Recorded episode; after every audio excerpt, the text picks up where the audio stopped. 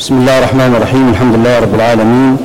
وصلى الله وسلم على نبينا محمد وعلى آله وصحبه أجمعين. أما بعد قال الإمام اللالكائي رحمه الله تعالى في بيان اعتقاد أبي عمرو عبد الرحمن بن عمرو الأوزاعي رحمه الله تعالى. قال أخبرنا الحسن بن عثمان قال أخبرنا أحمد بن حمدان قال حدثنا بشر بن موسى قال حدثنا معاوية بن عمرو قال حدثنا أبو إسحاق قال سألت الأوزاعي فقال اصبر نفسك على السنة وقف حيث وقف القوم وقل بما قالوا وكف عما كفوا عنه واسلك سبيل سلفك الصالح فإنه يسعك ما وسعهم وقد كان أهل الشام في غفلة من هذه البدعة حتى قذفها إليهم بعض أهل العراق ممن دخل في تلك البدعة بعدما ردها عليهم فقهاؤهم وعلماؤهم فأشربها قلوب طوائف من أهل الشام واستحلتها ألسنتهم. واستحلتها. واستحلتها ألسنتهم وأصابهم ما أصاب غيرهم من الاختلاف فيه. ولست بآيس أن يرفع الله شر هذه البدعة إلى أن يصيروا إخوانا بعد تواد إلى تفرق في دينهم وتباغض. ولو كان هذا خيرا ما خصصتم به دون أسلافكم فإنه لم يدخر عنهم خير خبئ لكم دونهم لفضل, لفضل عندكم. وهم أصحاب نبيه صلى الله عليه وسلم الذين اختارهم وبعثه فيهم ووصفهم بما وصفهم به. فقال محمد رسول الله والذين معه أشداء على الكفار رحماء بينهم تراهم ركعا سجدا يبتغون فضلا من الله ورضوانا الحمد لله وصلى الله وسلم على رسول الله وعلى آله وصحبه أجمعين. هذا اعتقاد الإمام أبي عمرو عبد الرحمن بن عمرو الأوزاعي رحمه الله تعالى. وقد كان الأوزاعي والثوري أيضا لهما مذهب كالمذاهب الأربعة ولهما طلاب.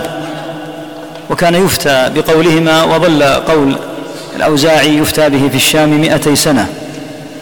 ثم إنه انقرض هذا المذهب وبقيت أقوال هذا الإمام وكذا الإمام سفيان الثوري وغيرهم وغيرهما. بقيت أقوال غيرهما من العلماء منثورة في كتب الفقه. وأبو عمرو الأوزاعي رحمه الله تعالى إمام أهل الشام وكان ذا مكانة كبيرة وجليلة. وعرف بالسنة رحمه الله تعالى والقوة في الوضوح. والصدق مع الحكام رحمه الله تعالى. وقد كان مشهورا برسائله فكان يراسل الحكام كثيرا وينصحهم وكانت مراسلاته تؤثر فيهم ومراسلاته أيضا تجدها في الجرح والتعديل لابن أبي حاتم فإنه حين أتى إلى ترجمة الأوزاعي أفاض فيه كما أفاض في ترجمة سفيان الثوري كما ذكرنا. وكان أبو عمرو رحمه الله قد أدرك الفترتين. فترة بني أمية وفترة سقوط دولتهم ثم دخول بني العباس. ولما كان من كبراء أهل الشام سأله عم السفاح بعد أن قتل بني أمية قتلة عظيمة وأخذ أموالهم أمر أن يؤتى بالأوزاعي رحمه الله تعالى ليسأله عما فعله ببني أمية. يقول رحمه الله تعالى إنه أدخل على عم السفاح. وكان هذا عم السفاح شديدا جدا. ذكر الذهبي أنه قتل في بني أمية خمسين ألفا. نسأل الله العافية والسلامة. بعد أن دخل دمشق. فقتل في بني أمية يعني وفي جنودهم وفي أتباعهم هذا المعنى وإلا فبنو أمية لا يبلغون مثل هذا العدد في الشام فقط لكن قتل هؤلاء وقتل من جنودهم ومن عمالهم من وقع عليهم وكان شديدا فاتكا جدا وهو عم السفاح الخليفة العباسي الأول. فأحضر أبو عمرو ولما دخل وإذا بالجند قد هيئوا على هيئة مرعبة شديدة سأل أبا عمرو وقال ما تقول في دماء وأموال بني أمية؟ في مثل هذا الموقف وأمام رجل بهذه الصرامة لا شك أن الأمر يصعب. يقول رحمه الله تعالى فأجهشت إلي نفسي لأنه شبه واثق بأنه سيقتل. يقول فقلت وتذكرت مقامي بين يدي الله فقلت دماؤهم وأموالهم حرام عليك. يقول فكان معه عصا ينكت بها على فخذه فاشتد ضربه بالعصا من شدة الغضب على فخذه. وقال ولم ويلك؟ فكان الأوزاعي رحمه الله تعالى فقيها حكيما. فروى له بالسند عن جده ابن عباس. أن النبي صلى الله عليه وسلم قال لا يحل مال امرئ مسلم إلا بإحدى ثلاث الثيب الزاني والنفس بالنفس والتارك لدينه المفارق للجماعة. يقول فاشتد ضربه بالعصا على فخذه. يقول الأوزاعي فصرت فصرت أنظر إلى موضع قدمي أنتظر أن يسقط رأسي. يعني أنه سيقطع رأسه. فلما جاء الله بالفرج يقول قال هكذا بيده يعني أخرجوه. فخرج رحمه الله تعالى وسلم من بطشه. يقول فبين أنا ذاهب وإذا بفارس يعدو خلفي فتيقنت أني سأقتل. وإذا بعم السفاح قد أرسل له مالا. لعلمه بقدر الأوزاعي. يقول ففرقته قبل أن أدخل بيتي. فرقه على الناس ولم يأخذ منه شيئا رحمه الله. فكان على جانب كبير من القدر العظيم رحمه الله تعالى والمكانة والنصح وهذا من أعظم النصح للحاكم أن يصدقه وأن يقول له إنما فعلته من هذا البطش بالناس وأخذ أموالهم لا يحل. والدليل على هذا حديث حدثناه جدك أنت ابن عباس حبر القرآن رضي الله عنهما.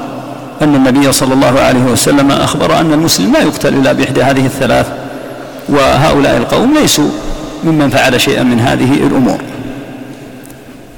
وكان له قدر وجلاله عند بني العباس وكان يراسل خلفاءهم ومراسلاته موجودة أيضا في الجرح والتعديل لابن أبي حاتم ومن ذلك أن الروم دخلوا إحدى المدن وسلبوا نساء المسلمين واسترقوا الرجال وكانت هذه البلدة قد غضب منها أبو جعفر لأنهم خرجوا عليه. فقرر أبو جعفر أن يتركهم في يد الروم وأن لا يفتديهم. فكتب له الأوزاعي رحمه الله تعالى كتابة مؤثرة عظيمة ذكره فيها بمقامه بين يدي الله عز وجل وأن الله تعالى سائله عن هؤلاء وأن هؤلاء تؤخذ نساؤهم ويستبيح منهم. أعداء الله يستبيحون من نسائهم يقول ما لا نستبيحه إلا من زوجاتنا. وذكره بالله وأن الله تعالى سائله عما استرعاه. فلما جاءت الرسالة إلى أبي جعفر قال سوءة. اطلب الفداء. فأمر بأن يفادى أهل تلك البلد. وكان له تأثير رحمه الله كبير مع علم وحكمة وعقل وصبر على الحكام ونصح صادق لهم. فلذا لما توفي رحمه الله تعالى قال الوالي رحمك الله أبا عمرو والله لقد كان لك في قلبي قدر أشد من قدر أبي جعفر الخليفة نفسه. هذا القدر يجعله الله عز وجل إلا هو رجل عادي من الناس وله رحمه الله تعالى مواقف في الصدق ولزوم السنة والحرص على لزوم مذهب السلف الصالح مع الأمر بالمعروف والنهي عن المنكر والجهد الكبير في بذل السنة وإطفاء البدعة رحمة الله تعالى عليه. هذا الاعتقاد الذي نقله اللالكائي عندك هنا تلاحظ أنه كأنه ناقص. يقول سألت الأوزاعية فقال اصبر نفسك. سأله عن ماذا؟ طالب العلم يأخذ فائدة دائما أن المختصر من الكلام قد يروى في موضع آخر ويبين الاختصار الذي فيه. الكلام المجمل قد يذكر في موضع آخر ويكون مبينا وهكذا. هذا الأثر رواه قوام السنة الأصبهاني الشافعي رحمه الله في كتابه العظيم الحجة في بيان المحجة وهو من أحسن كتب الاعتقاد ومن أطولها. وهو إمام من أئمة الشافعية رحمة الله تعالى عليه على استقامة وعلى مذهب سوي في الاعتقاد. وراه أيضا الآجري في الشريعة ورووه مفصلا مبينا. وذلك أن أصل المسألة التي سئل عنها الأوزاعي والتي قال فيها فيما بعد وقد كان أهل الشام في غفلة من هذه البدعة. ما البدعة هذه؟ ما المراد؟ يعني لا بد أن ثمة موضوعا كان يسأل عنه الأوزاعي فلأجل ذلك أشار إليها فقال من هذه البدعة معناه أن ثمة شيئا يسأل عنه. وهذا كما قلت في الرواية المفصلة. وذلك أن الأوزاعي رحمه الله إنما سئل عن قول الناس أمؤمن أنت؟ يعني أن يأتيك أحد يمتحنك فيقول أنت مؤمن ويطلب منك أن تجيب. هذه المسألة هل يجاب فيها أو لا يجاب؟ سيأتي إن شاء الله تعالى الكلام إليهم وعليها مفصلا عند نقل اعتقاد الرازيين رحمهم الله رحمهم الله تعالى أبو حاتم وأبو زرعة رحمة الله تعالى عليهما. فأجاب رحمه الله تعالى الأوزاعي بقوله إن المسألة عما تسأل عنه بدعة والشهادة به تعمق لم تكلفه لم نكلفه في ديننا ولم يشرعه نبينا. ليس لمن يسأل عن ذلك ليس لمن يسأل عن ذلك فيه إمام. يعني إمام يقتدى به حتى يسأل هذا السؤال. القول به جدل والمنازعة فيه حدث ولعمري ما شهادتك لنفسك بالتي توجب لك تلك الحقيقة. إن لم تكن كذلك وما تركك الشهادة لنفسك بها بالتي تخرجك من الإيمان إن كنت كذلك. وإن الذي يسألك عن إيمانك ليس, ليس بشك في ذلك منك لكنه يريد أن ينازع الله تبارك وتعالى علمه في ذلك. حتى تزعم أن علمه وعلم الله في ذلك سواء فاصبر نفسك على السنة وقف حيث وقف القوم هذا الذي عندك الآن. هذا هو الموجود الآن عندك.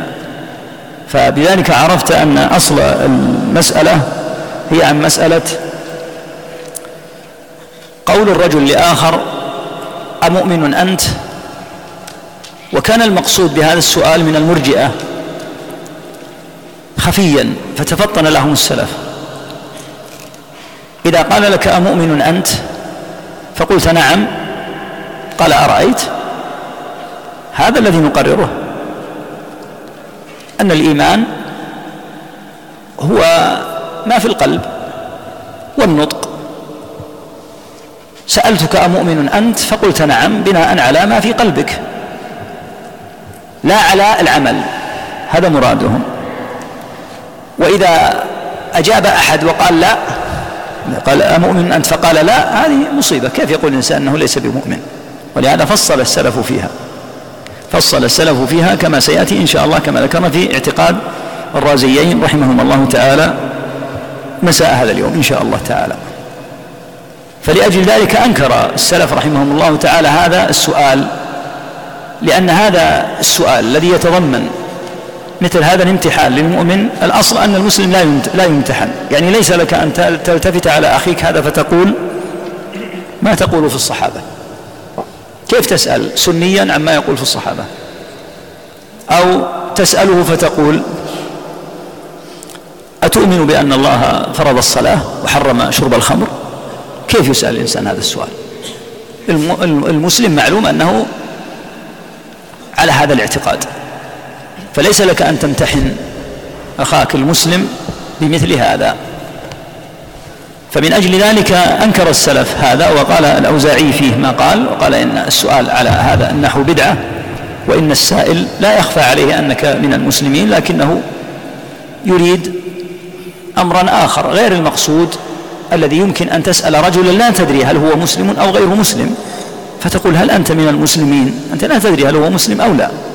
لأنك مثلا معك زكاة تريد أن تعطي هذه هذه الزكاة لأحد من الفقراء فتسأله هل أنت مسلم؟ لأنه إن كان مسلما فهو من المستحقين وإن كان كافرا فليس لك أن تعطيه من الزكاة. والسبب في سؤالك أنك لا تدري أما أن تلتفت على مسلم وتسأله وتمتحنه هل أنت مؤمن؟ فهذا هو وجه الإنكار وهو المقصد الذي قلنا إن المرجئة أرادوه. وبمناسبة ذكر المرجئة بقيت عندنا مسألة في الإيمان. وهي مسألة الإيمان هذه الاستثناء من الإيمان. هل يصح الاستثناء في الإيمان أو لا؟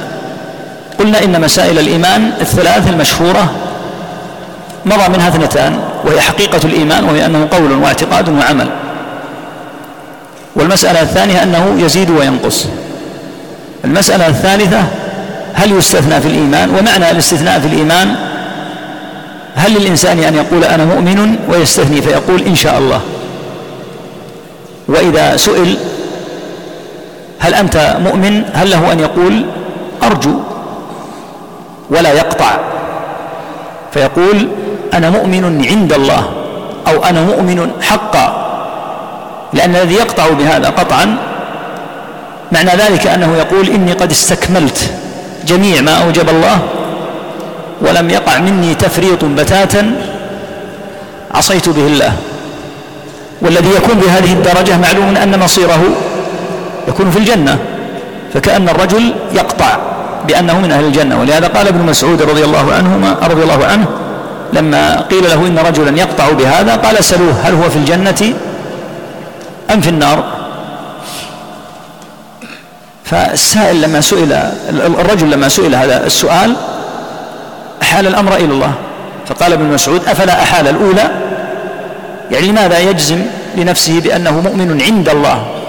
يعني كما ينبغي أن يكون عليه المؤمن دون تقصير ودون تفريط. معلوم أن من لقي الله تعالى قد استكمل الإيمان ترك جميع السيئات وأقام جميع الواجبات وأتى بالأمر كما ينبغي من المستحبات قد كمل إيمانه فهذا معلوم أنه بعد فضل الله في السابقين فيدخلون الجنة بلا حساب ولا ولا عقاب ولا أحد يستطيع أن يزكي نفسه هذه التزكية. ولأجل ذلك قال السلف إنه يستثنى في الإيمان. وليس معنى الاستثناء في الإيمان أن الإنسان يشك في أصل إيمانه لأنه يعلم أنه يؤمن بالله عز وجل ويؤمن برسوله صلى الله عليه وسلم وأن الله تعالى يبعث من في القبور وأن ثمة جنة ونارا هذا لا يشك في أصله. وإذا استثنى أحد لا يستثني أصلا على هذه المسائل لأنه يعلم هذا من نفسه لا لا يشك فيه. إنما الكلام على استكمال الإيمان أن الإنسان لا يست لا يجزم لنفسه جزما بأنه قد أتى بما أوجب الله كما ينبغي. ولأجل ذلك الاستثناء في الإيمان له مآخذ. المأخذ الأول هو أن الإيمان الكامل هو الإتيان بجميع ما أوجب الله واجتناب كل ما نهى الله وأن يكون العبد على الحال التام الكامل فهذا الإنسان لا يستطيع أن يجزم لنفسه به حيث يقول إني لم أقصر بتاتا لا في أداء واجب ولم أقدم بتاتا على أي أمر يغضب الله تعالى من صغير ولا من كبير. هذا لا أحد يجزم به. المأخذ الثاني أن الإنسان يترك يستثني في الإيمان بعدا عن التزكية حتى لا حتى لا يزكي نفسه. والله تعالى نهى عن التزكية فقال فلا تزكوا أنفسكم هو أعلم بمن اتقى. والمأخذ الثالث في ترك الاستثناء في, في أمر الاستثناء في الإيمان أن الإنسان لا يدري هل قبل منه أو لا. حتى لو أتى بالعمل الصالح كما ينبغي. فالإنسان يذهب يا أيها الإنسان إنك كادح إلى ربك كدحا فملاقيه. هذا الكدح في هذه السنين حتى تلقى الله. قبل منك أو لا؟ قال تعالى إنما يتقبل الله من المتقين. فالأمر موقوف على القبول. ولأجل ذلك سألت عائشة رضي الله تعالى عنها النبي صلى الله عليه وسلم عن قول الله تعالى والذين يؤتون ما آتوا وقلوبهم وجلة أنهم إلى ربهم راجعون. أهم الذين يشربون الخمر ويسرقون ويزنون. قال لا يا ابنة الصديق ولكنهم الذين يصلون ويصومون ويخشون ألا يقبل منهم. لأنه يخشى الإنسان ألا تقبل نسأل الله العافية منه أعماله. ولأجل ذلك قال بعض السلف لو قبل الله مني ركعتين لتمنيت أن أموت. لأن الله يقول إنما يتقبل الله من المتقين. معنى أن الله إذا قبل مني هاتين الركعتين فأنا من المتقين والمتقون ناجون. تلك الجنة التي نورث من عبادنا من كان تقيا. معنى ذلك أني من أهل الجنة. لو أجزم أني قبل مني ركعتان يقول ماذا أريد في الدنيا ونكدها. الدار الآخرة سأكون في المنعمين. فالإنسان يعمل ويدأب ولا يدري أيقبل منه أو لا. ولهذا قال تعالى والذين يؤتون ما آتوا وقلوبهم وجلة. مع أنهم يعملون الصالحات. يخشى لا يقبل منه.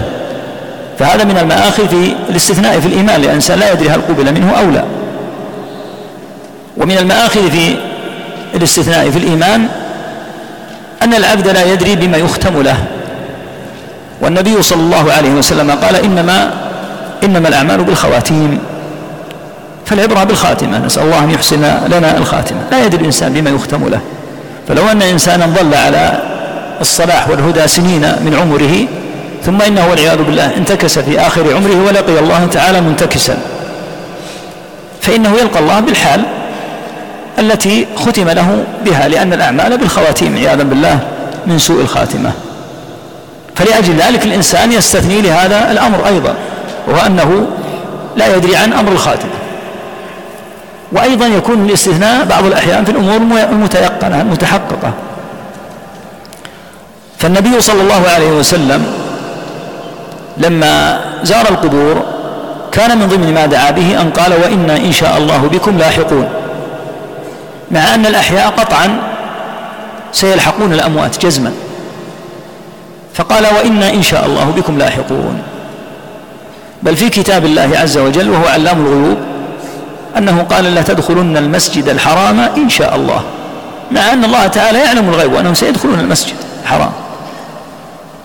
وهكذا الميت في قبره سواء كان منعما أو معذبا يقول له الملك وعليه تبعث إن شاء الله. مع أن من المجزوم به أنه سيبعث. قالوا فذكر المشيئة. ورد حتى في الأمور المتيقنة. فقول الإنسان أنا مؤمن إن شاء الله له هذه الاعتبارات والمآخذ الخمسة التي سمعت. تبقى مسألة في إثارة هؤلاء القوم لهذه المسألة. ما مرادهم؟ مرادهم ما ذكرنا أن المرجئة كانوا يسألون وكذلك سيأتينا في أمر الجهمية وطريقتهم في القرآن أنهم يطلقون ألفاظا يريدون منك أن تقول لفظا فيأخذوك به. ومن ضمنها هذه أمؤمن أنت؟ إن قلت لا لست بمؤمن فمعنى ذلك أنك تقول إني كافر. وإن قلت إني مؤمن قالوا هو الإيمان ما نتحدث عنه. أنت الآن أقررت بأنه إذا كان الإيمان يجزم به هذا الجزم فمعنى ذلك أن الصواب قولنا أن الإيمان هو الموجود في القلب ونطق اللسان وهذا قول المرجئة من الفقهاء. من فقهاء إذا قيل مرجئة الفقهاء فالمقصود بهم فقهاء الكوفة لأن هذه البدعة انتشرت في فقهاء الكوفة بدءا من حماد بن أبي سليمان عفى الله عنه وصارت فيهم ولهذا رد كثير من علماء الكوفة عليهم. وكان من أكثر ما جاءت الردود في الكوفة من الكوفة لأن البدعة نشأت في الكوفة. تأتي مسألة متعلقة بالخلاف بين مرجئة الفقهاء وأهل السنة في والسلف الصالح في وأهل السنة تبع لهم في مسألة الإيمان. هل الخلاف لفظي أو غير لفظي؟ إذا قيل إن الخلاف لفظي فمعناه أنه ليس تحته كبير آه، أمر حتى يكون أمرا من حتى يكون مسألة من المسائل التي تحذر ويفطن الناس إلى تركها. وإذا قيل إن الخلاف حقيقي فمعنى ذلك أن ثمة مخالفة جلية. الذي قرره شيخ الإسلام ابن تيمية رحمه الله تعالى في مواضع من كتبه عبارة في غاية الدقة وهي قوله إن أكثر النزاع لفظي. إن أكثر النزاع لفظي. ذكره في كتاب الإيمان في أكثر من مرة. يقول إن أكثر النزاع لفظي. وأنت تعلم أن كلمة أكثر هي اسم تفضيل. يدل على شيء كثير من النزاع أنه لفظي. ويبقى قسم آخر من النزاع ليس لفظيا. هذا المعنى. هناك فرق كبير بين أن يقول إن النزاع في هذه المسألة لفظي وبين يقول وبين أن يقول إن أكثر النزاع لفظي. شيخ الإسلام قال إن أكثر النزاع لفظي. الشارح ابن أبي العز رحمة الله تعالى عليه لما كان يختصر كلام شيخ الإسلام قال وإن كان النزاع في هذه المسألة بين أبي حنيفة رحمه الله وبين السلف لفظي. وهذا في الحقيقة آه، نوع من الاختصار سقط معه لفظ في غاية الأهمية وهو قوله أكثر النزاع لفظي. فإذا قيل أكثره لفظي فثمة نزاع حقيقي. وإن لم يكن هو الأكثر لكن هو موجود هذا المعنى. مثل ما لو قلت الآن أكثر الطلاب حضروا. وكان عدد الطلاب ثلاثين طالبا. معنى ذلك أن بعضهم لم يحضر. حتى لو يكون خمسة أو ثلاثة أو ستة معنى أن إذا قلت أكثر أن إن أكثرهم حضروا فثمة عددا فثمة عدد لم يحضر. أما إذا قلت إن الطلاب حضروا فمعنى ذلك أنه لم يتغيب منهم أحد. هذا المعنى. فإذا قلنا النزاع لفظي فمثل قولنا الطلاب حضروا يعني جميعا. وإذا قلنا أكثر الطلاب حضروا فمعنى ذلك أن ثمة طلابا لم يحضروا. هذا المعنى وهذا الذي ذكره شيخ الإسلام. وشيخ الإسلام دقيق جدا لكن لما آه، اختصر الشارح ابن أبي العز رحمه الله كلامه ذكر أن الخلاف في هذه المسألة صوري ولم يقله شيخ الإسلام وإنما قال أكثر صوري يقول قائل إذا ما الخلاف الذي بين السلف وبين أبي حنيفة رحمة الله تعالى عليه في مسألة الإيمان؟ ما الخلاف الحقيقي إذا؟ أول الخلاف الحقيقي تغيير المسمى الشرعي. فالمسمى الشرعي للإيمان دلت النصوص الجلية على أنه قول واعتقاد وعمل. فإذا أخرج العمل فقد غير المفهوم الشرعي. وقد اعتنى البخاري رحمه الله تعالى كما قلنا في كتاب الإمام من صحيحه عناية بالغة بهذه المسألة وترجم عليها عدة تراجم تراجم في بيان أن الإيمان في بيان أن الأعمال من الإيمان. واستدل بعدة أدلة وترجم بعدة تراجم. باب الصلاة من الإيمان باب أداء الخمس من الإيمان. وإلى غير ذلك باب باب قيام رمضان من الإيمان باب صيام رمضان من الإيمان وهي أعمال. بناء عليه نعلم أن العمل لا يصح أن يخرج. من الإيمان لأن الشرع أطلق على العمل الإيمان ومن أشهر وأقوى الأدلة في ذلك قوله تعالى وما كان الله ليضيع إيمانكم.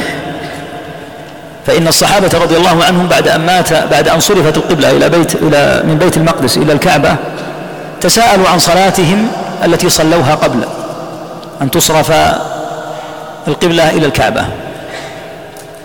فقال تعالى وما كان الله ليضيع إيمانكم. قال أهل العلم والمفسرون بالاتفاق هذا القول تكاد تجد أنه بالاتفاق إن المراد بقوله تعالى وما كان الله ليضيع إيمانكم أي صلاتكم إلى بيت المقدس. فأطلق الله تعالى على الصلاة أطلق عليها أنها إيمان والصلاة عمل.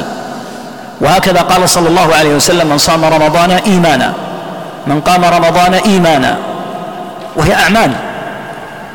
ومن أقوى الأدلة في هذا حديث وفد عبد القيس حين جاءوا إلى النبي صلى الله عليه وسلم وقال آمركم بالإيمان بالله وحده. أتدرون ما الإيمان بالله وحده؟ في رواية ابن عباس رضي الله عنهما في كتاب المواقيت في البخاري أنه قال إن النبي صلى الله عليه وسلم قال آمركم بالإيمان بالله وحده. قال ابن عباس ثم فسرها لهم. يعني فسر الإيمان. ما الإيمان الذي فسره رسول الله صلى الله عليه وسلم؟ تشهد أن لا إله إلا الله وتقيم الصلاة وتقيم الصلاة وتؤتوا الزكاة وتؤدوا الخمس من المغنم. ومعلوم أن أداء الخمس من المغنم وأن الزكاة وأن الصلاة أعمال. والنبي صلى الله عليه وسلم يفسر لهم الإيمان بالله فيقول آمركم بالإيمان بالله وحده. ثم قال أتدرون ما الإيمان بالله وحده؟ ثم فسره بالأعمال. فكيف يقال إن العمل لا يكون ضمن الإيمان؟ هذا إخلال بالمفهوم الشرعي والأدلة على دخول العمل في الإيمان كثيرة جدا في القرآن وفي السنة. ومن أشهر الآيات في هذا قوله تعالى ليس البر أن تولوا وجوهكم قبل المشرق والمغرب ولكن البر من آمن بالله واليوم الآخر والملائكة والكتاب والنبيين وآتى المال على حبه. ذوي القربى واليتامى والمساكين وابن السبيل والسائلين وفي الرقاب وأقام الصلاة وآتى الزكاة والموفون بعهدهم إذا عاهدوا الصابرين في البأساء والضراء وحين البأس أولئك الذين صدقوا. هذا الصدق بالإيمان. أن تجمع الإيمان بالله وملائكته وكتبه ورسله وكذا اليوم اليوم الآخر وكذا الإيمان بالقدر وإن لم يرد في هذه الآية لكن ورد في آيات أخرى كقوله تعالى إن كل شيء إنا كل شيء خلقناه بقدر وتجمع الأعمال معها أعمال القلوب وأعمال الجوارح. هذا مذكور منصوص عليه في الآية. من أعمال القلوب؟ الصبر مذكور في الآية. ومن أعمال الجوارح؟ الصلاة والزكاة والجهاد كل هذا مذكور. ثم إن أهل العلم قالوا لمرجئة الفقهاء أترون أعمال القلوب هذه تدخل في الإيمان أو لا تدخل؟ معظم المرجئة على أن أعمال القلوب تدخل والذي لا يدخل أعمال القلوب في الإيمان لا يستحي مثل الجهم والصالح وأضرابهم من الغلاة. أما الذين فيهم دين وفقه فإنهم لم يجرؤوا على أن يقولوا إن أعمال القلوب لا تدخل في الإيمان. فيقرر مرجئة الفقهاء أن أعمال القلوب تدخل في الإيمان. مثل الحب لله عز وجل ولرسوله صلى الله عليه وسلم كيف لا يكون حب الله ورسوله من الإيمان؟ وهكذا الخوف من الله عز وجل والرجاء. فأكثر المرجئة على أن أعمال القلوب تدخل في الإيمان. قال أهل العلم فما الذي يجعل أعمال القلوب داخلة في الإيمان ويخرج أعمال الجوارح؟ الباب واحد كما تعلم. باب العمل واحد. فباب العمل يدخل فيه أعمال القلوب وأعمال الجوارح. فالغلاة من المرجئة كالجهم أخرج حتى أعمال القلوب. فقال إن حب الله ورسوله والخوف من الله أصلا ليس من الإيمان نسأل الله العافية. هذا لا يقول إلا من لا يعي ولا يفقه. أما مرجئة الفقهاء فقالوا بل تدخل أعمال القلوب في الإيمان أعمال القلوب في الإيمان. قال أهل العلم ما دامت أعمال القلوب تدخل في الإيمان فكيف تخرجون أعمال الجوارح؟ الباب واحد باب العمل واحد وهذا يدل على تناقض من أخرج العمل من الإيمان. المفسدة الثانية من إخراج العمل من الإيمان والدالة على أن الخلاف حقيقي أن ثمة خلافا حقيقيا بين السلف وبين مرجعة الفقهاء أن هذا القول بإخراج العمل من الإيمان صار ذريعة لقول غلاة المرجئة لاحقا. فإن الناس الذين كانوا زمن حماد بن أبي سليمان وتلاميذ كأبي حنيفة رحمهم الله حين أخرجوا العمل من الإيمان لم يشكوا أن نطق اللسان من الإيمان. وقالوا إن الإيمان شطران يعني نصفان شطر بالقلب وشطر باللسان. فقيل لهم فإذا لم ينطق باللسان وادعى الإيمان بقلبه قال لا يكون مسلما حتى ينطق. ولا يحكم له أصلا بالإسلام لا في الظاهر ولا في الباطن حتى ينطق لأن الإيمان شطران. فجاء الغلاة من مرجئة من المرجئة. فأخرجوا نطق اللسان وقالوا بل الإيمان ما في القلب. فقيل كيف تخرجون نطق اللسان من الإيمان؟ قالوا الباب فتح لنا قبل ذلك بإخراج العمل من الإيمان. وإذا خرج العمل من الإيمان فما الذي يمنعنا من أن نخرج اللسان نطق اللسان من الإيمان؟ فصاروا يقولون إن الإيمان هو مجرد ما في القلب. ترتب على هذا مفسدة عظيمة جدا متعلقة بالكفر. ولأنهم قالوا إن الإنسان إذا نطق بلسانه بالكفر كأن يسب الله نسأل الله العافية والسلامة ورسوله. كأن يسب الله والرسول صلى الله عليه وسلم أو يسخر بالله وبرسوله صلى الله عليه وسلم. قيل لهم هذا الآن عندكم يكفر أو لا يكفر؟ إن قلتم إنه يكفر فأنتم أخرجتم نطق اللسان من الإيمان فكيف تكفرونه بأمر لا يدخل في حد الإيمان. فجاءت داهية كبيرة جدا ترتب عليها مفاسد عظام هائلة وهي أنهم قالوا إن السب لله تعالى ولرسوله صلى الله عليه وسلم والسخرية بالله وبرسوله صلى الله عليه وسلم والاستهزاء بشعائر الإسلام الكبار العظام المقررة كالصلاة والزكاة والصوم هذه في نفسها ليست كفرا. هذه مقولة فظيعة جدا جدا. وينفتح بسببها أهوال من الجرأة على الله ورسوله إذا لم يكفر ظاهرا وباطنا من قال هذا. وقد تصدى للرد على هذا علماء السنة كالإمام أحمد وغيره وألزموا الجهمية بهذه المقالة. قالوا إن يلزمكم في مثل هذه الحالة أن يكون من سجد للأصنام وعظم الصليب. وسب الله ورسوله ألا يكون كافرا. فالتزم ذلك غلاة الجهمية. قالوا نعم لا يكون كافرا. وشيخ الإسلام رحمه الله فصل في هذه المسألة في كتابه العظيم الصارم المسلول على شاتم الرسول وبين أن هذه المقالة إنما تسربت إلى كتب الفقه من المرجئة الإناث وإنها ليست قولا لأهل الفتوى معتبرا. وإنما دخلت على متأخري الفقهاء من خلال أن بعض المتأخرين من الفقهاء يصنف في الفقه وهو من المرجئة. فتسربت هذه المقالة القبيحة إلى كتب الفقه. لهذا قلنا إنه ينبغي التفطن وأن يكون طالب العلم على دراية بالاعتقاد. فكتب الفقه نافعة جدا ولا يقال لك لا تقرأ كتابا في الفقه اقرأ كتب الفقه كلها. وكتب التفسير كلها. وكتب التفسير كلها. وشروح الحديث كلها. بشرط أن تكون على دراية بالاعتقاد. حتى إذا دخل إشكال وهكذا كتب أصول الفقه. إذا دخل إشكال من المؤلف وإذا بك وإذا بك متنبه متفطن. أما أن تقرأ هذه الكتب ولا تدري فتأتيك مثل هذه المسألة. ولهذا قال شيخ الإسلام إن هذه المسألة ينبغي أن يعلم أنها ليست قولا لأهل الفتوى إن الإجماع منعقد على أن من سب الله ورسوله أنه يكفر ظاهرا وباطنا. بعض المرجئة قالوا يكفر في الظاهر أما في الباطن فلا يكفر.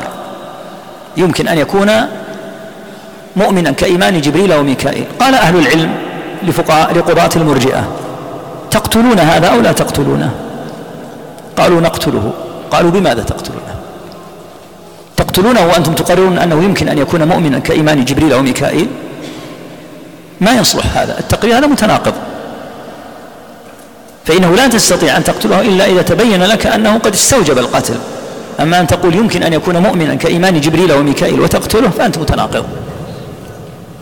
هذه المسألة إنما انفتحت بسبب إخراج مرجئة الفقهاء للعمل من الإيمان. وهم لا يقولون بهذا. لكن لما قالوا إن العمل يخرج من الإيمان أخرج الغلاة من المرجئة أخرجوا النطق من الإيمان. وهذا لما قلنا إنه صار ذريعة.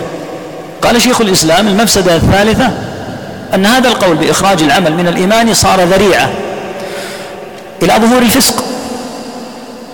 وأن يقول الفساق نحن مؤمنون إيمانا كإيمان جبريل أو ميكائيل وإن تركنا العمل. يعني يترك الصلاة ويقدم على المحرمات ويقول إيماني كإيمان جبريل أو ميكائيل. شك أن يخف أمر العمل في الناس. إذا أخرج العمل من الإيمان يخف. ومن باب الإنصاف وتقوى الله ينبغي أن يعلم أن مرجئة الفقهاء إذا أخرجوا العمل من الإيمان فإنهم لا يسهلون في العمل نفسه. بحيث يقول للناس من أراد يعمل فليعمل ومن أراد أن لا يعمل فلا يعمل. لا والله ما كانوا يقولون. هم أتقى لله من هذا. فهم يقولون إن صاحب الكبيرة متوعد بالنار قد يدخل النار ويعذب كما يعذب عصاة المسلمين. ولكن النقاش في حد الإيمان وتعريفه العمل لا يدخل فيه هكذا قالوا. أبو حنيفة إمام كبير وله قدر في الأمة فينبغي أن يعلم رواية هي من أحسن الروايات التي وردت عنه تدل على ورعه وتقواه. لأن من الأمور غير السوية أن يتخذ مثل هذا الإمام رحمه الله تعالى غرضا وأن يكون كأنه الجهم بن صفوان أو دعاة الرافضة. أبو حنيفة رحمه الله تعالى إمام من أئمة المسلمين. مثله مثل غيره من الأئمة يمكن أن يصيب ويمكن أن يخطئ.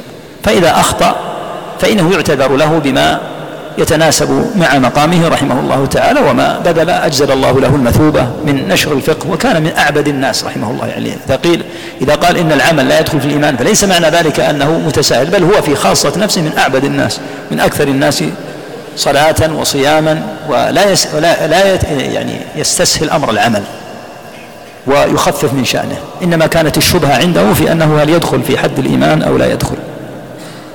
من أحسن الروايات التي وردت ذكرها الطحاوي رحمه الله تعالى مع أنه من آه، الحنفية وذكرها أيضا ابن عبد البر.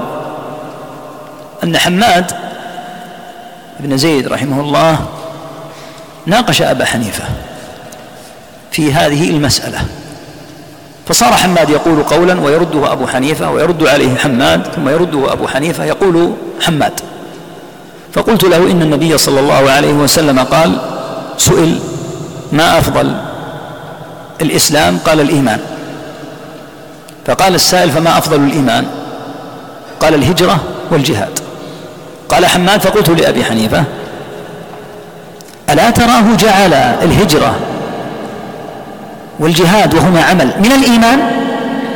يقول فسكت أبو حنيفة فسكت أبو حنيفة. أنت تعرف أن السكوت في مقام المناظرة صعب.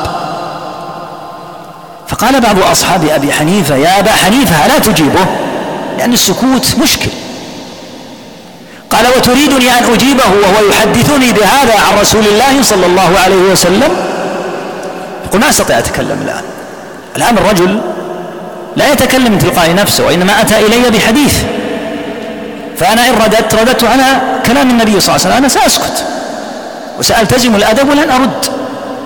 لأن الرجل لما كان يقول لي كنت أقول له وكان يرد عليه وكنت أرد عليه الآن أتى لي بما لا قبل لي به هو أنه أتى لي بحديث عن النبي صلى الله عليه وسلم فيه أن العمل من الإيمان فأنا سأسكت ولن أرد لأني في إن رددت في هذه الحالة رددت على رسول الله وهذا يدل على ورع أبي حنيفة رحمه الله على تقواه لأنه تأدب مع الحديث قال لي سأسكت وإن كان السكوت كما قلت لكم السكوت في مقام المناظرة صعب لأنه يظهر شيئا من الضعف. قال نعم. أسكت لأني لن أرد على رسول الله صلى الله عليه وسلم. لكن لما كان حماد يتكلم كنت أرد عليه وكان يرد عليه. الآن أتى لي بما لا قبل لي به. هذا يدل على الفرق الكبير بين خطأ العالم وخطأ غيره فالعالم إذا بين له الأمر بحديث منصوص فإنه يتوقف. فهذا الذي يعتذر به عن مثل أبي حنيفة. وعلى كل حال المسألة كما قلنا فيها لا شك خلاف حقيقي. وشيخ الإسلام قال النزاع أكثره لفظي ولم يقل النزاع كله لفظي وإنما قال أكثره لوجود هذه المسائل التي ذكرناها الآن. نعود إلى كلام الأوزاعي رحمه الله تعالى حين سئل عن هذه المسألة. إذا قيل للرجل أمؤمن أنت؟ تقدم كلامه في الجواب عنها. ثم قال رحمه الله تعالى اصبر نفسك الصبر هو الحبس يعني احبس نفسك حبسا على السنة. قلنا إن السنة في مثل هذه المقامات المقصود بها الاعتقاد الحق والمسلك الذي كان عليه النبي صلى الله عليه وسلم والسلف الصالح المسلك الاعتقادي وهكذا المسلك عموما العملي والمسلك المرتبط بسائر أبواب الإيمان أن تلزم السنة. اصبر نفسك على السنة. وقف حيث وقف القوم يعني السلف قبلك هذا المراد. قف حيث وقفوا. إذا توقفوا في أمر إياك أن تقدم أنت. لا تقدم أنت إذا وقف السلف في مسألة لأنهم لم يتوقفوا عن ضعف وعن قلة علم وإنما توقفوا لأن هذه المسألة يجب التوقف فيها ولا يحل الخوض فيها إذ هي من مسائل غيبية مثلا. أرأيت يا أخي قول الله عز وجل في إبراهيم عليه الصلاة والسلام فلما جن عليه الليل رأى كوكبا أي الكواكب؟ لا نخوض يا أخي ما نخوض من قال لك تخوض؟ الله تعالى قال رأى كوكبا ولم يحدده سبحانه ولم يأتي عن النبي صلى الله عليه وسلم تحديد الكوكب. فليس العلم أن تخوض في مثل هذه المسألة. العلم أن تتوقف وأن تقول هو كوكب الله تعالى أعلم به. المتحذلق المتكلف المتنطع يأتي ويحدد الكوكب. كيف تحدد الكوكب؟ بناء على إيش؟ عندك نص من كتاب الله أو سنة نبيه صلى الله عليه وسلم؟ ما عندك. إذا قف لا تتوقف. وهكذا الشجرة التي أكل منها آدم. ما هي؟ موجود في كتب بني إسرائيل أنها النخلة وأنها السنبلة وأنها العنب. ما هي؟ نتوقف ما ندري. ولو كان في تحديدها مصلحة لحددها الله. تلاحظ في القرآن في أكثر من موضع الشجرة. ألم أنهكما عن تلكما الشجرة عن تلكما الشجرة عن هذه الشجرة. لو كان في تحديدها مصلحة لحددها الله. فتخوض وتقول هي كذا؟ لا. ليس لك أن تخوض. هذا معنى التوقف. الجاهل لا يتوقف حيث ينبغي التوقف وإنما يقدم ويظن أنه يقدم عن علم وإنما يقدم عن جهل لأنه يخوض فيما لا يعلم. ولهذا يقول قف حيث وقف القوم لأنهم لم يتوقفوا إلا عن علم كما سيأتي في كلام عمر بن عبد العزيز إن شاء الله تعالى. وقف حيث وقف القوم وقل بما قالوا وكف عما كفوا. يعني قل بما قاله السلف رحمهم الله تعالى واجهر به وانطق به فإنهم أعلم منك ولن يتكلموا على الله تعالى إلا بعلم. فما قال السلف فقله. وما كفوا عنه فكف عنه. ثم قال كلمة جامعة تشمل هذا وغيره وقال واسلك سبيل سلفك الصالح. يعني في كل هذا المسلك والمنهج والطريق الذي كان عليه السلف اسلكه رضي الله عنهم فإنه يسعك ما وسعهم. الشيء الذي وسع السلف وكانوا عليه يسعك أنت ما وسع السلف. إن كفوا فكف إن أقدموا فأقدم إن جزموا بأمر فاجزم به لأنهم أعلم بالله عز وجل وبدينه منك. وهذا قريب من كلام عظيم ثبت عن عمر بن عبد العزيز رحمه الله تعالى رواه أبو داود في سننه في كتاب السنة ورواه الآجري في الشريعة. وهو كلام عظيم يستحق أن يحفظ وأن يربى عليه الناس. يقول رحمه الله تعالى في بيان حال السلف قف حيث وقف القوم فإنهم عن علم وقفوا. الإنسان قد يتوقف يا إخوة عن جهل وقد يتوقف عن علم. يقول السلف رحمهم الله تعالى قف أنت حيث وقفوا. واعلم أنهم حين وقفوا إنما وقفوا عن علم فإنهم عن علم وقفوا وببصر نافذ كفوا إذا كفوا عن مسائل فإنهم لم يكفوا عنها للعجز وإنما كفوا عنها لبصيرتهم العظيمة. ثم قال فإن قلت فأين آية كذا؟ فقد قرأوا منه ما قرأتم وعلموا منه ما جهلتم. يعني قد يقول قائل هذه المسألة فيها آية. وأنت الآن تقول إن السلف توقفوا في هذه المسألة. هذه المسألة بينتها هذه الآية. يقول عمر بن عبد العزيز رحمه الله فإن قلت فأين آية كذا التي تستدل بها أنت وتحتج على أمر من الأمور؟ يقول هذه الآية قرأها الصحابة والتابعون قبلك أو لم يقرأوها قرأوها. فإن قلت فأين آية كذا فقد قرأوا منه. من هذا القرآن ما قرأتم لكن الفرق علموا منه ما جهلتم علموا من هذا القرآن ما جهلته. وقد ثبت عن النبي صلى الله عليه وسلم أنه أخبر أن الخوارج يقرؤون القرآن يحسبون أنه لهم وهو عليهم. فبعض الناس يستدل ويقرر ويصنف كتابا على مسألة من المسائل يورد عليها الآيات القرآنية. يظن أن هذه الآيات القرآنية دليل على قوله وهي دليل عليه هو وليست دليلا له كما قال صلى الله عليه وسلم في الخوارج. يقرؤون القرآن يحسبون أنه لهم وهو عليهم وهكذا أهل البدع. يستدلون بالآيات القرآنية على بدعهم يظنون أنها لهم. والآيات في الحقيقة عليهم ولهذا قال شيخ الإسلام أنا ألتزم. أن لا يأتي مبطل بدليل يستدل به إلا جعلت دليله دليلا عليه. مثل قول الله عز وجل ليس كمثله شيء. هذه يستدل بها المعطلة دائما على نفي الصفات. سبحان الله العظيم. بقية الآية فيها إثبات الصفات. وهو السميع البصير. فهم يظنون أن الآية تنفي الصفات. والآية تنفي ما لا يليق إلا ما لا يليق بالله وتثبت ما يليق بالله عز وجل. ولهذا الذي لا يليق بالله عز وجل قد نفاه الله ورسوله صلى الله عليه وسلم. حتى قال تعالى وما ينبغي للرحمن أن يتخذ ولدا. لا يليق أن يتخذ الرحمن ولدا. وقال صلى الله عليه وسلم إن الله لا ينام. وهذا نفي. ثم قال ولا ينبغي له أن ينام. يعني لا يليق أن ينام الله عز وجل. فالذي لا يليق بالله ما ينتظر الجعد بن درهم والجهم بن صفوان والمرجئة والجهمية والخوارج والمعتزلة والروافض حتى يأتوا ليخبرون من, ما الذي يليق بالله من الذي لا يليق. الذي لا يليق بالله قد نفاه الله تعالى. فنفى عن نفسه النوم. نفى عن نفسه اللغوب. نفى عن نفسه السنة نفى عن نفسه الظلم لأنها لا تليق. فالذي لا يليق قد نفاه الله. والذي يليق به سبحانه قد أثبته. كالاستواء واليد والوجه وتمدح به تمدحا. كما في قوله تعالى إن ربكم الله الذي خلق السماوات والأرض. خلق السماوات والأرض في ستة أيام ثم استوى على العرش. يغشي الليل النهار اطلبه حثيثا. الشمس والقمر والنجوم مسخرات بأمره. اسمع المدح. ألا له الأمر ألا له الخلق والأمر. تبارك الله رب العالمين. بالآيات السابقة. يتمدح رب العالمين بماذا؟ بخلقه السماوات والأرض في ستة أيام. وباستوائه على العرش. وبكونه تعالى يغشي الليل النهار يطلبه حثيثا. بكون الشمس والقمر والنجوم مسخرات مسخرات بأمره مسخرات بأمره. ثم قال ألا له الخلق والأمر. تبارك الله رب العالمين. تمدح. ثم يأتي شخص يقول الاستواء لا يليق بالله. سبحان الله العظيم الاستواء نظم. في حال تمدح. أتقول إن خلق السماوات والأرض في ستة أيام ليس تمدحا؟ يقول لا هذا مدح يليق بالله. والاستواء معه مذكور. وختمه بقوله ألا له الخلق والأمر تبارك الله رب العالمين. وبكونه تعالى يتمدح تعالى بكونه قد سخر الليل والنهار. والشمس والقمر والنجوم. أتقول إن هذا ليس بمدح؟ يقول بلى هذا مدح. فيكون كله مدح والاستواء لا يليق.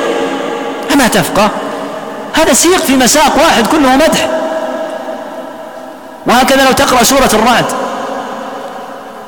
من أولها إلى الموضع الذي ذكر فيها أفعال الله عز وجل. تجد أنها كلها في سياق المدح لله عز وجل. ثم يقال كل هذه الآيات مدح لله لكن الاستواء لا يليق. سبحان الله العظيم. كيف لا يليق والله تعالى يمدح به نفسه؟ الذي لا يليق بالله لا ينتظرك رب العالمين حتى تحدده. الذي لا يليق بالله ينفيه الله عز وجل. فيقول سبحانه وما ينبغي للرحمن وقالوا اتخذ الرحمن ولدا. سبحانه. ينزه نفسه سبحانه وتعالى عنه. أما أن تأتي إلى ما أثبت الله فتقول لا يليق بالله تعكس المسألة. تقلب المسألة في هذه الحالة. فلأجل ذلك قف حيث وقف القوم. واسلك سبيلهم. فإن هذه الصفات قد قرر السلف أنها على حقيقتها. والأمر كما قال شريك رحمه الله تعالى القاضي أو وكيع رحمهم الله جميعا يقول بهذه الصفات عرفنا الله لأن الله يعرف بنفسه. فقوله إن ربكم الله الذي هذا اسم موصول. اسم الموصول ما الذي يتبعه؟ صلة الموصول تعرف اسم الموصول. خلق السماوات والأرض هذا تعريف. خلق السماوات والأرض في ستة أيام. يعرفك ربك بأنه هو الذي خلق هذه السماوات والأرض في ستة أيام. ثم يعرفك ربك بنفسه بأنه الذي استوى على العرش. تعريف هذا يعرفك هذا يقول وكيع. يقول بهذه الصفات عرفنا الله عز وجل. فتأتي إلى ما يعرف الله تعالى نفسه به فتنفيه. فإذا نفيته في مثل هذه الحالة قطعت طريق الناس في معرفة ربهم سبحانه وتعالى وهو أزكى وأعلى العلوم وأرفع العلوم معرفة الله عز وجل. والله تبارك وتعالى قد عرف نفسه في كتابه. ولهذا هذا الحديث العظيم الثابت عنه عليه الصلاة والسلام في قصة الصحابي الذي كان يقرأ سورة قل هو الله أحد ويقرأ معها سورة أخرى. وكان إماما لهم لقومه. ورد هذا عن إمام مسجد قباء ورد عن إمام آخر أيضا في سرية أرسلها صلى الله عليه وسلم. فقالوا له إما أن تقتصر على سورة الإخلاص قل هو الله أحد وإما أن تقتصر على السورة الأخرى لماذا تجمع السورتين؟ فقال أنا سأصلي بكم هذه الصلاة فإن شئتم يعني فاقبلوا مني صلاتي وإلا يصلي بكم غير أنا سأصلي هذه الصلاة. فأخبروا النبي صلى الله عليه وسلم فقال سلوه لأي شيء يصنع ذلك؟ فقال اسمع ما قال. واسمع تقرير النبي صلى الله عليه وسلم له على ما قال. قال إنها صفة الرحمن وإني أحبها. فقال حبك إياها أدخلك الجنة. قوله إنها صفة الرحمن. ما الموجود يا إخوة في سورة قل هو الله أحد؟ لا يوجد فيها أحكام لا يوجد فيها قصص أنبياء لا يوجد فيها كلام عن اليوم الآخر وإنما موضوعها ولذلك صارت تعدل ثلث القرآن لأن موضوعها لأن موضوعها أعظم الموضوعات وهو رب العالمين. الصحابي يقول لأنها صفة الرحمن. ما الموجود في سورة في في قل والله أحد؟ شيئان إثنان. نفي وإثبات. قل هو الله أحد إثبات. الله الصمد إثبات. لم يلد ولم يولد نفي. ولم يكن له كفوا أحد نفي. النبي صلى الله عليه وسلم ماذا قال له؟ قال قلت ما لا, ما لا يليق بالله. قلت أمرا أنت به مجسم أنت به مبتدع. ما قال صلى الله عليه وسلم هذا؟ أقره على قوله لأنها صفة الرحمن لأن صفة الرحمن تؤخذ من القرآن والسنة. فالله وصف نفسه فبين ما الذي يليق به فأثبته. وما الذي لا يليق به فنفاه سبحانه وتعالى. فجاءت الجهمية والمعتزلة والكلابية ومن نحى نحوهم من الماتريدية والأشعرية فأتوا إلى شيء أثبته الله فنفوه. أتوا إلى ما أثبت الله فنفوه. وجاءت المشبهة إلى ما نفى الله فأثبتوه. ما الذي أثبتته المشبهة؟ ما الذي أثبتته المشبهة مما نفاه الله؟ المثل. يقول تعالى ليس كمثله شيء. هم يقولون مثله. يقولون وجه الله مثل وجه المخلوق. يد الله مثل يد المخلوق. فإن كانت المرجئة فإن كانت المشبهة قد أجرمت جرما كبيرا بإثبات ما نفى الله فقد أجرمت المعطلة بنفي ما أثبت. فإن نفي ما أثبت الله وإثبات ما نفى من المحادة لله أن تأتي النصوص في إثبات أمر يتمدح الرب به ويأمر عباده سبحانه وتعالى أن يسألوه بهذه الأسماء. ولله الأسماء الحسنى فادعوه بها. ثم يأتي من ينفي الأسماء؟ إذا نفيت الأسماء كيف أدعو الله تعالى به وتنقطع هذه العبادة العظيمة؟ فالحاصل أن قوله قف حيث وقف القوم يعني الصحابة رضي الله عنهم وأرضاهم والسلف الصالح. وقل بما قالوا. أثبتوا الصفات أثبت. ما نفوه من الصفات فانفه لأنهم لم يثبتوا ولن ينفوا إلا عن علم. وكف عما كفوا المسائل التي كفوا عنها وأمروا بعدم الخوض فيها مثل موضوع الكلام.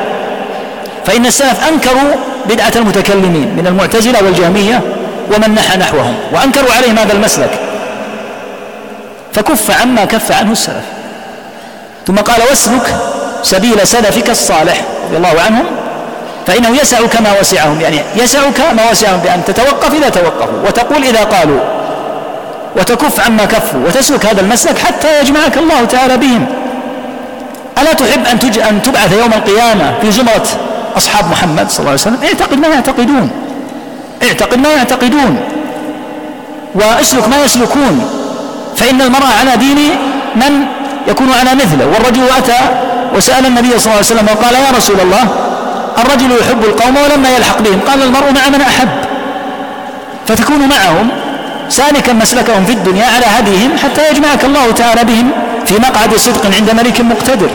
أما أن تقول هم أفضل الأمة وخيرها. وهم الذين لهم الفردوس الأعلى. لكني سأسلك مسلك الجهم بن صفوان. سبحان الله تناقض هذا الكلام عجيب جدا. جهم صفوان وأضرابه على عكس قول الصحابة. فكيف تدعي أنك على محبة للصحابة رضي الله عنهم ثم تخالف اعتقادهم؟ وقلنا لكم إن اعتقاد الصحابة مضبوط والله الحمد هذا هو موجود في الكتاب هذا. وفي غيره من الكتب. بالسند أن طالب علم تعرف الصحيح من الضعيف. انظر السند. تحكم على السند تقول هذا السند ثابت عن عمر. هذا ثابت عن أبي بكر. هذا ثابت عن ابن عباس. انظر هل فيه نفي للصفات أو إثبات؟ تجد أنهم يثبتون الصفات. رضي الله تعالى عنهم وأرضاهم. فالحاصل أن الأمر كما يقول الأوزاعي يسع كما وسعهم رحمهم الله. ثم قال وقد كان أهل الشام في غفلة من هذه البدعة. وهي بدعة قول الإنسان لغيره أمؤمن أنت؟ حتى حتى قذف إليهم بعض أهل العراق. والعراق كانت موطنا لكثير من البدع وكان السلف رضي الله عنهم كثيرا ما يذمون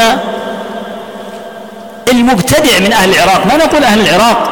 تكون مسألة كأنها مسألة وطنيات وحزازات وعنصريات. لا في أهل العراق من هم من أكمل الناس إيمانا بل هم أئمة. منهم أحمد بن حنبل في العراق وأئمة كبار. في العراق لكن المقصود الذي تراه في كلام السلف حين يذمون أهل العراق يذمون المتكلفين منهم. كقول سالم بن عبد الله كما في مسلم يا أهل العراق ما أركبكم للكبيرة؟ يا ما أسرع ركوبكم للكبيرة؟ وقول ابن عمر رضي الله عنهما لما سأله عراقي عن دم الذباب. دم الذباب تعلم أنه لا يؤثر. ولا يسأل إنسان هل يؤثر دم الذباب لأن الذباب لا روح لها يعني مما لا يكترث بكونه يقع منه دم أو غيره لأن لا نفس له سائلة. معنى قولهم لا نفس له سائلة ليس له دم يعتبر. فلما جاء وسأل قال ابن عمر رضي الله عنهما من أي البلاد أنت؟ قال من العراق. فقال أهل العراق يسألون عن دم البعوضة. وقد قتلوا ابن بنت رسول الله صلى الله عليه وسلم. يقول أنت استبحتم دم الحسين بن علي وصار أمرا سهلا عندكم وتأتي تتورع تسأل عن دم البعوضة. الذي يجرؤ على دم الحسين؟ لن يصعب عليه أمر دم البعوضة. وهكذا ما وقع منهم من الخيانة العظيمة للحسين بن علي رضي الله عنهما حين استدعوه وادعوا أنهم سيبايعونه حتى وصل رضي الله تعالى عنهم إلى حدود العراق. ثم لما أرسل عبيد الله بن زياد الوالي الظالم الجيش إلى الحسين دخلوا مع جيشه وقاتلوا الحسين. فكان السلف يكثرون التململ والتضجر من هؤلاء الصنف. وقد جاء عنه عليه الصلاة والسلام الإخبار بأن العراق يكون فيه قرن الشيطان وهو الصحيح في قوله عليه الصلاة والسلام نجد قرن الشيطان. قرر هذا غير واحد من أهل العلم كالخطابي وابن حجر. وترجمة الإمام مالك في الموطأ باب في المشرق تدل على اختياره هذا وهكذا قبلهم سالم بن عبد الله بن عمر فإنه حين قال لأهل العراق ما أركبكم للكبيرة وأسألكم عن الصغيرة؟ سمعت أبي يحدث عن النبي صلى الله عليه وسلم أنه قال الفتنة ها هنا وأشار يعني إلى العراق لأن تحدث مع أهل العراق حيث يطلع قرن الشيطان. وذلك أن العراق صارت موئلا لجملة كبيرة جدا من البدع فالمعتزلة خرجوا في العراق والجهمية في العراق والمرجئة في العراق والباطنية في العراق والروافض في العراق وجملة غير قليلة من الفتن في العراق. وكلمة العراق كما ينبغي أن يعلم أوسع من البلد الموجود هذا. فإن العراق تطلق على المشرق. حتى إن من السلف من يدخل خراسان في كلمة العراق. وقد ثبت عن النبي صلى الله عليه وسلم أنه أخبر عن هول كثير يأتي من المشرق إلى أن يكون البلاء الأكبر بخروج الدجال فيهم ويتبعه سبعون ألفا من يهود أصبهان ويخرج هناك في المشرق. فلأجل ذلك يقول الأوزاعي إن هذه الفتنة ما كانت موجودة عند أهل الشام لكن ابتلي بها أهل العراق ثم قذفوها إلى بعض الشاميين فدخلوا في تلك البدعة. بعدما ردها عليهم فقهاؤهم وعلماؤهم يعني أن أهل العراق رد العلماء من أهل العراق والفقهاء رد علي ردوا عليهم بدعهم وضلالاتهم. لكن أشربها قلوب طائفة من أهل الشام واستحلتها من الحلاوة.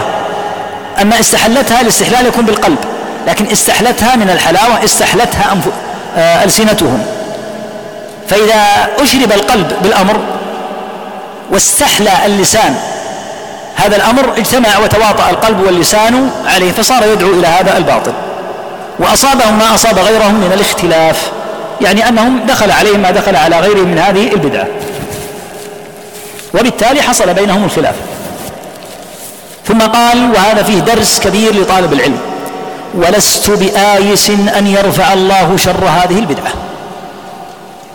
اعلم يا أخي أنه مهما لهم الخطب واشتدت البدعة. فإن طالب العلم ليس من شأنه النياحة والصياح والعويل. هذا لا خير فيه ولا نفع فيه. إذا جاءت البدع إذا جاءت الضلالات فاترك عنك اليأس وأحسن بالله الظن واجتهد.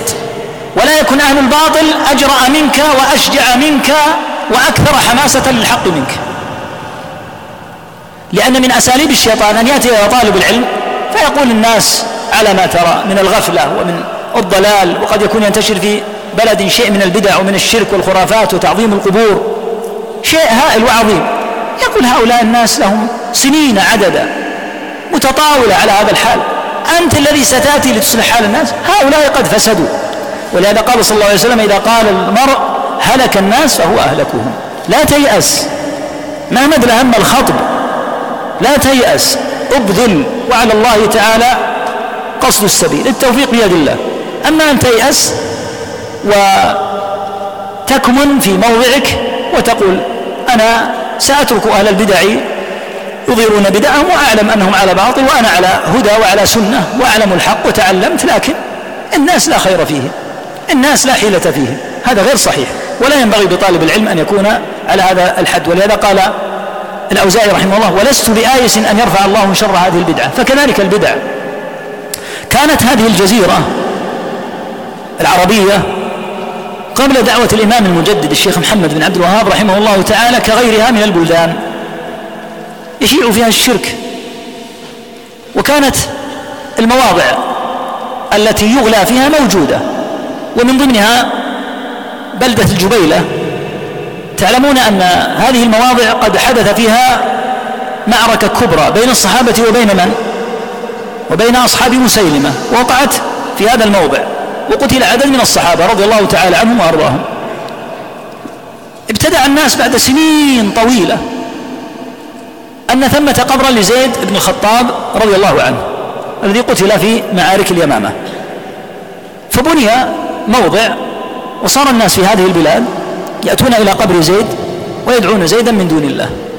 وكان الشيخ محمد بن عبد الوهاب رحمه الله يراهم والعدد هائل وكبير ولك أن تتصور أعداد غفيرة عند قبر يدعونه. وكان الشيخ لا يجد ناصرا فكان يدرجهم. وإذا قالوا يا زيد يا زيد يقول لهم الله خير من زيد.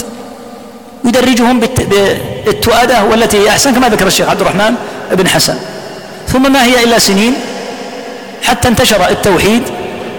ثم هدم المبنى هذا الذي بني على قبر زيد. وهكذا شجرة كانت تسمى فحل. الفحول تأتيها المرأة إذا تأخر عنها الزواج وتدعوه وتدعو هذا الفحل دعوة من دون الله نسأل الله العافية. تقول يا فحل الفحول أريد زوجا قبل الحول. يدعون هذا هذه الشجرة دعاء. وهكذا أيضا في الموضع هذا الموجود المسمى الآن حي الآن من أحياء الرياض يسمى الغبيرة. هذا كان فيه موضع أيضا كان يزعمون أنه قبر لضرار بن الأزور. وكانوا يأتون إليه. أترون شيئا يا إخوة والله الحمد في هذه البلاد الآن؟ ما فيها والله الحمد أي مزار. مع أن هذا موجود لسنين متطاولة. لكن بفضل الله أولا وقبل كل شيء ثم بفضل الدأب وترك اليأس والخمول والكسل والدعوة وعدم اليأس من رب العالمين. يقول تعالى في الحق بل نقذف بالحق على الباطل فيدمغه فإذا هو زاهق الحق قوي. لا تخشى من ضعف الحق أبدا. إنما الإشكال في ضعف حملته وتكاسل حملته فقط. أما الحق فهو قوي وأبى الله إلا أن يكون بهذا الأسلوب العظيم. بل نقذف بالحق على الباطل فيدمغه فإذا هو زاهق. الحق قوي. فلأجلك لا تيأس يا أخي. وإن وجد في بلدك من البدع والضلالات ما وجد وإن كان لسنين متراكمة. والناظر في حال الأمة ولله الحمد في خمسين السنة الماضية مع وجود الغفلة وغيرها يجد أن ثمة انحسارا كبيرا جدا بالنسبة إلى ما مضى لمن يعرف التاريخ. هناك انحسار كبير في تعظيم القبور. انحسار بين وجلي. وإذا قرأت ما كان يقوله الشوكاني والصنعاني ما كان يقوله ولي الله الدالوي رحمهم الله تعالى وأمثالهم ممن كانوا في تلك الحقب عن وضع عموم الناس وكيف أنه منتشر فيهم وشكواهم من الحال الذي كانوا فيه وكذا علامة العراق السويدي رحمه الله وعدد من علماء تلك الحقبة كالجبرتي رحمه الله الحنفي صاحب مصر وغيره من علماء الشام تجد أنهم يتحدثون عن وضع هائل. الآن ولله الحمد عدد كبير جدا ولا سيما من الشباب قد تركوا هذه الخرافات. وتجد في بعض البلدان أنها قد هجرت إلا من قبل عجائز وكبار في السن. وكثير من الشباب ولا سيما إذا تعلموا يعلمون أن هذا لا يجوز. هذا من فضل الله. وهذا المقصود. ليس المقصود اليأس والعويل والصياح. كحال الآن المسلمين. بعض الناس كان ينوح في حال المسلمين. إنما يجيد النياحة. ما الفائدة الآن من صراخك وعويلك؟ الأمة بهذا الوضع الذي هي عليه تحتاج إلى تعليم تحتاج إلى تآزر تحتاج إلى من يؤلف بين قلوبها ويدعوها إلى الله عز وجل. أما العويل والصياح وذكر الأشعار التي تبين شدة الحال الحال الآن المشتكى إلى الله الحال كل يشاهده كل يراه. لكن يحتاج طالب العلم إلى أن يبذل ويتكل على الله ويصلح النية. فإذا كان محمد بن عبد الوهاب رحمه الله تعالى قد أثر هذا التأثير في الجزيرة العربية حتى صارت بهذا المستوى لماذا لا تؤثر أنت في بلدك؟ وتسلك سبيل أهل العلم في الصبر والحلم والحلم والتأني والرفق بالناس والرأفة بهم والرحمة. حتى يهدي الله تعالى بك من يهدي. ولهذا قال صلى الله عليه وسلم لا يهدي الله بك رجلا واحدا خير لك من حمر النعم. فاحرص يا أخي ولهذا يقول الأوزاعي ولست بآيس. أن يرفع الله شر هذه البدعة إلى أن يصيروا إخوانا. هنا في النسخة عندك بعد تواد إلى تفرق في دينهم وتباغض. لا شك أن ثمة خللا هنا. هناك خلل في النص. وكأن ثمة شيئا من السقط أو التقديم والتأخير. الرواية الموجودة في غير اللالكائي يقول فيها ولست بآيس أن يدفع الله عز وجل شر هذه البدعة إلى أن يصيروا إخوانا في دينهم ولا قوة إلا بالله. هكذا. وليس فيها هذه العبارة. هذه العبارة والله أعلم قد يكون فيها تقديم وتأخير.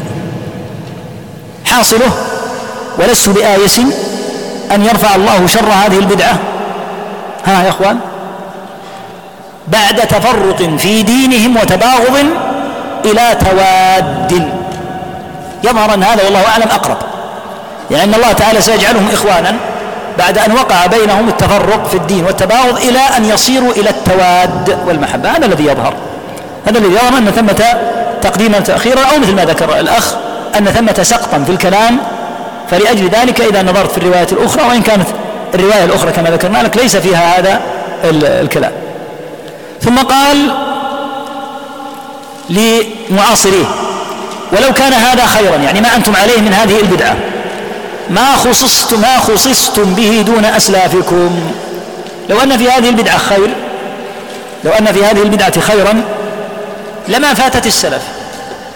ثم تخصون أنتم بها وأنتم دون السلف في المنزلة فلو كان فيها خيرا لسبقكم إلى السلف وإذا كان الكفار يقولون في المؤمنين لو كان خيرا ما سبقونا إليه فإن المسلم يقول لو كان خيرا لسبقونا إليه. فهم أولى منا بكل خير. فلو كان ثمة خير لكان مما سبقوا إليه. فإذا وجد حدث وبدعة بعدهم فيقال لو كان فيها خير لسبقوك إليها فدل على أنها شر وليست بخير. قال فإنهم لم يدخر عنهم خير خبئ لكم من خبئ لكم دونهم. يعني لا يمكن أن يكون ثمة خير فاتهم وجعل لكم أنتم خبئ لكم وأخر لكم أيها الآتون من بعدهم. لفضل عندكم أيمكن أن يكون هذا أن تكونوا أفضل منهم وهم أصحاب نبيه صلى الله عليه وسلم. الذين اختارهم الله وبعثه فيهم. وهذا أمر مهم جدا أن يعلم أن الصحابة كما قال ابن مسعود رضي الله عنه قوم اختارهم الله لصحبة نبيه. فالله اختارهم اختيارا ليصحبوه رضي الله تعالى عنهم وأرضاهم. فلو كان في هذه الأمور شيء من الخير لسبقونا إليه ولا يمكن أن يكون ثمة خير نسبقهم إليه. ثم استدل بقوله تعالى محمد رسول الله وهنا تقف. الآية هنا فيها وقف. لا تقل محمد رسول الله والذين آمنوا والذين معه وإنما تقف. هذه جملة مستأنفة. محمد رسول الله تمت. ثم تستأنف فتقول والذين معه أشداء على الكفار رحماء بينهم. إلى آخر الآية ونتوقف بعض الوقت إن شاء الله تعالى للراحة ثم نعود إن شاء الله.